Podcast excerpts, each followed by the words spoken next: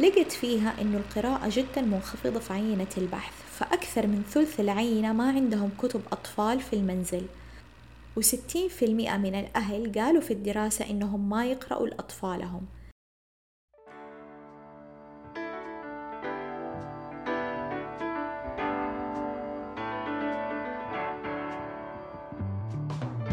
أنا بسمة حميد أهلا بيكم في بودكاست مظلة. بودكاست أناقش فيه مواضيع متعلقة باضطرابات التواصل مشاكل النطق واللغة بالإضافة لمواضيع عن التنشئة اللغوية الصحيحة.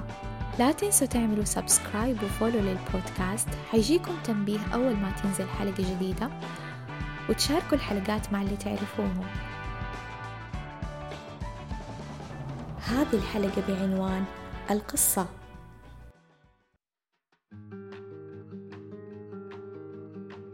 حلقة اليوم عن موضوع أحبه جدا من طفولتي من قبل لا أصير حتى أخصائية تخاطب. حتكلم اليوم عن القصة. رفيقتي من الطفولة. بدأت من مجلات ماجد لروايات أغاثا كريستي في مراهقتي لروايات مثلا الدكتور منذر القباني أو يوسف زيدان لما كبرت حتكلم عن القصة وحأسلط الضوء على فوائدها اللغوية بشكل خاص. وقبل لا نبدأ الموضوع خلينا نعرف القصة. إيش يعني قصة؟ ومن إيش تتكون؟ القصة سرد لأحداث واقعية أو خيالية صارت في الماضي أو الحاضر أو المستقبل. القصة تحتوي على شخصيات مكان زمان فيها أحداث مختلفة ومشكلة أو عقدة زي ما بيقولوا وحل. القصة لها بداية ونهاية بغض النظر عن نوع النهاية. القصة نختبر فيها مشاعر متنوعة حسب أحداثها. متى ممكن نبدأ القصة مع الطفل؟ نقدر نبدأ نعرض الطفل للقصة من وهو رضيع على عمر الشهرين أو الثلاثة أشهر. أول ما نلاحظ الطفل صار عنده فترات استيقاظ والأفضل ما ننتظر لعمر سنة أو بعد. مؤخرا يدعم الكثير من المختصين أنه نبدأ قراءة القصص للطفل قبل ما يولد. لأنه حاسة السمع تتطور عند الجنين في الشهر الثالث من الحمل ويستمر التطور بعد كذا. وعلى الشهر السابع من الحمل يقدر الجنين يسمع الأصوات اللي خارج جسم الأم فيبدأ يألف الأصوات المستخدمة في اللغة. إيش القصص المناسبة لكل مرحلة عمرية؟ وكيف نستخدمها كوسيلة وفرصة لتطوير اللغة أو الإثراء اللغوي للأطفال؟ في قصص طبعا مناسبة لكل مرحلة عمرية يمر بيها الطفل. فمثلا القصة اللي راح أعطيها لطفل عمره ستة أشهر تختلف عن القصة اللي راح أعطيها لطفل عمره ثلاث سنوات. حأبدأ بالأطفال الصغار الأقل من سنتين. الأطفال الرضع تناسبهم القصص القماشية اللي تكون ألوانها متباينة وملفتة زي اللون الأسود مع الأبيض أو الأحمر مع الأصفر. وبعد عمر السنة ممكن نستخدم الكتب أو القصص اللي تكون صفحاتها صلبة ما تتقطع بسهولة وتكون آمنة لهم. تركز أغلب قصص الأطفال في السنتين الأولى من عمرهم على الأصوات البيئية الملفتة مثلا زي صوت السيارة الآلات الموسيقية أو الحيوانات. عشان كذا كثير كتب تكون تفاعلية وفيها أصوات أو أزارير يضغطوها. كمان تركز على الأغلب على مسميات الأشياء اللي حوالين الطفل في البيئة زي أسماء الملابس، الأكل، أثاث البيت، المواصلات. وبالإضافة لمسميات الأشياء تركز كمان على المفاهيم المختلفة زي كبير، صغير، طويل، قصير، آه، الأشكال المختلفة، الألوان والأرقام. تعطينا هذه القصص فرصة مرة جميلة للتفاعل وبناء اللغة سواء كانت فهم أو تعبير. والسؤال المهم كيف نقرأ القصة للطفل؟ أول شيء نهتم بتسمية الأشياء اللي يشوفها الطفل في القصة مع الأصوات المناسبة لها لو في لها أصوات بيئية. مثلا زي صوت السيارة بيب بيب آه صوت القطة مياو مياو وهكذا. كمان من الأشياء المهمة جدا عند التعريض للقصة إنه نستخدم لغة الجسد.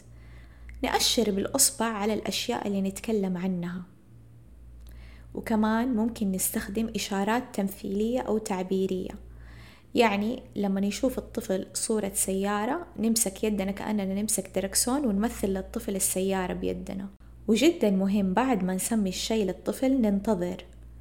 ألاحظ في العيادة مرات الأم أو الأب أو الأخ أو الأخت آه يكونوا في نشاط قصة مع الطفل مثلا ويقلبوا الصفحة والطفل لسه يطالع في الشيء ويكون مهتم فيه. أو نكون بنسمي الشيء اللي في الصفحة الأولى بعدين ننتقل للصفحة الثانية والطفل لسه يطالع في الصورة اللي في الصفحة الأولى. ننصح دائما بالانتظار لأنه دماغ الطفل ياخذ وقت أكثر من البالغ لاستيعاب ومعالجة المعلومات.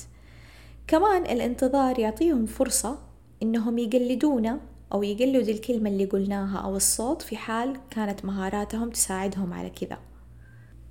التغيير في نبرة الصوت جدا مهمة لأنها تجذب انتباه الطفل للأصوات للكلمات. فما يكون صوتنا على وتيرة واحدة ويكون في تنويع في نبرة الصوت. فمثلا أقول للطفل واو شوف سيارة. بيب بيب بيب بيب. هذه سيارة. بعد عمر السنة نقدر نبدأ نستخدم جمل مع الطفل من كلمتين وما نقتصر فقط على على تسمية الأشياء أو استخدام كلمات مفردة حتى لو كان الطفل لسه ما يتكلم لأنه إحنا قاعدين نبني عنده حصيلة مفردات حتى لو كانت من ناحية فهم فقط. مثلا بدل ما نقول بطة نقول واو بطة تسبح البطة تسبح. على عمر السنتين تقريبا ممكن نبدأ نعرض الطفل للقصص اللي فيها أحداث بسيطة أو روتينية أو مفاهيم مناسبة لعمره. مهم نبدأ نطرح أسئلة من القصة للأطفال. لا ننتظر من الطفل جواب. قد يكون لسه ما يعرف يجاوب على بعض الأسئلة. فإحنا نطرح السؤال ننتظر ونجاوب. بكذا نعطي للطفل نموذج لكيف نجاوب على السؤال المحدد. وكمان نتكلم عن الشخصيات نخليهم يتعرفوا على مشاعرها وصفاتها وكيف أثر هذا كله على تصرف هذه الشخصية. ممكن كمان يبدأ الطفل يسرد أحداث القصة بنفسه على الثلاث سنوات أو بعدها. حتى لو كانت بس أحداث بسيطة أو يتذكر الطفل فقط حدثين أو ثلاث أحداث من القصة. فمثلا حيقول قول أرنب يمشي راح عند ماما نام. حتتطور قدرة الطفل على السرد كل ما يكبر في العمر ويصير قادر على أنه يذكر أحداث أكثر وتفاصيل أكثر في القصة. في دراسة أجرتها الدكتورة هيفاء الروقي مع باحثين آخرين على 85 طفل سعودي أعمارهم ثلاث سنوات وأقل. لقت فيها أنه القراءة جدا منخفضة في عينة البحث فأكثر من ثلث العينة ما عندهم كتب أطفال في المنزل.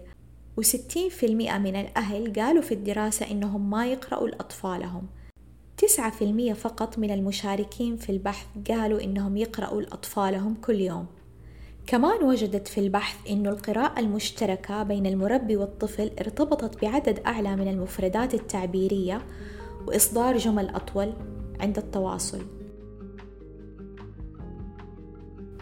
بعد ما تكلمنا عن كيف القصة تساهم في الإثراء والتطور اللغوي حأتكلم عن فوائد أخرى للقصة لقيت إنه مرة صعب ما أذكرها لأنها مهمة. القصة تساعد في بناء رابطة واتصال عاطفي بين المربي والطفل. مهمة لتعليم القيم للطفل زي الاحترام وتقبل الاختلاف وغيرها. تحبب الطفل في سلوك معين ممكن إحنا نواجه فيه مشكلة مع الطفل زي الأكل الصحي أو الاستقلالية والانفصال العاطفي عن الوالدين آه، أو فهم فكرة التدريب على استخدام الحمام مثلا. تستخدم كمان القصة لمساعدة الطفل على التأقلم مع أحداث الحياة أو التعامل مع المشاعر والمواقف الصعبة. آه، مثل قصص آه، التعامل مع الفقد الانتقال لمدينة ثانية انفصال الوالدين عن بعض وجود أخ أو أخت من ذوي الاحتياجات الخاصة وغيرها. وما في شك أن القصة لها أثر إيجابي جدا في التمهيد للمهارات الأكاديمية اللي راح يحتاجها الطفل في المدرسة. نيجي لتساؤل جدا مهم. هل نقرأ القصة بالفصحى ولا بالعامية؟ لما جاني هذا التساؤل قبل آه، ما لقيت جواب علمي لهذا التساؤل. لكن رأيي الشخصي إنه نبدأ نقرأ القصة أو نتكلم ونتفاعل مع الطفل باللغة واللهجة اللي إحنا نستخدمها. فإذا كانت لهجتي آه، حجازية راح أتكلم بالحجازي آه، لهجتي كويتية راح أتكلم باللهجة الكويتية لهجتي مثلا أردنية راح أتكلم باللهجة الأردنية وهكذا. بعد الثلاث سنوات ممكن نبدأ نقرأ القصة بالعربي الفصحى عشان الطفل يتعرف على المصطلحات العربية الفصحى وفي نفس الوقت تكون تطورت عنده اللغة باللهجة العامية اللي إحنا نستخدمها فيكون عنده أساس جيد. كل المعلومات اللي ذكرناها عن القصة تنطبق على جميع الأطفال. سواء كان الطفل تطور ضمن الحدود الطبيعية الحمد لله ما عنده أي مشاكل أو كان عنده مشكلة طبية أو اضطراب نمائي أو كان متأخر وما عنده تشخيص معين. أخيرا أبغى أقول شجعوا الأطفال على القراءة وحببوهم فيها من الصغر. خلوا الكتب متوفرة في البيئة خلوهم يشوفوكم وإنتوا تقرأوا وخلوا وقت القصة جزء من الروتين. ووقت مشترك تفاعلي مرح جميل يستمتع فيه الطفل مع الأهل. بكذا لما يكبر الطفل هو اللي راح يدور على القصص سواء كانت على آيباد أو كانت كتب مسموعة أو كتب ورقية.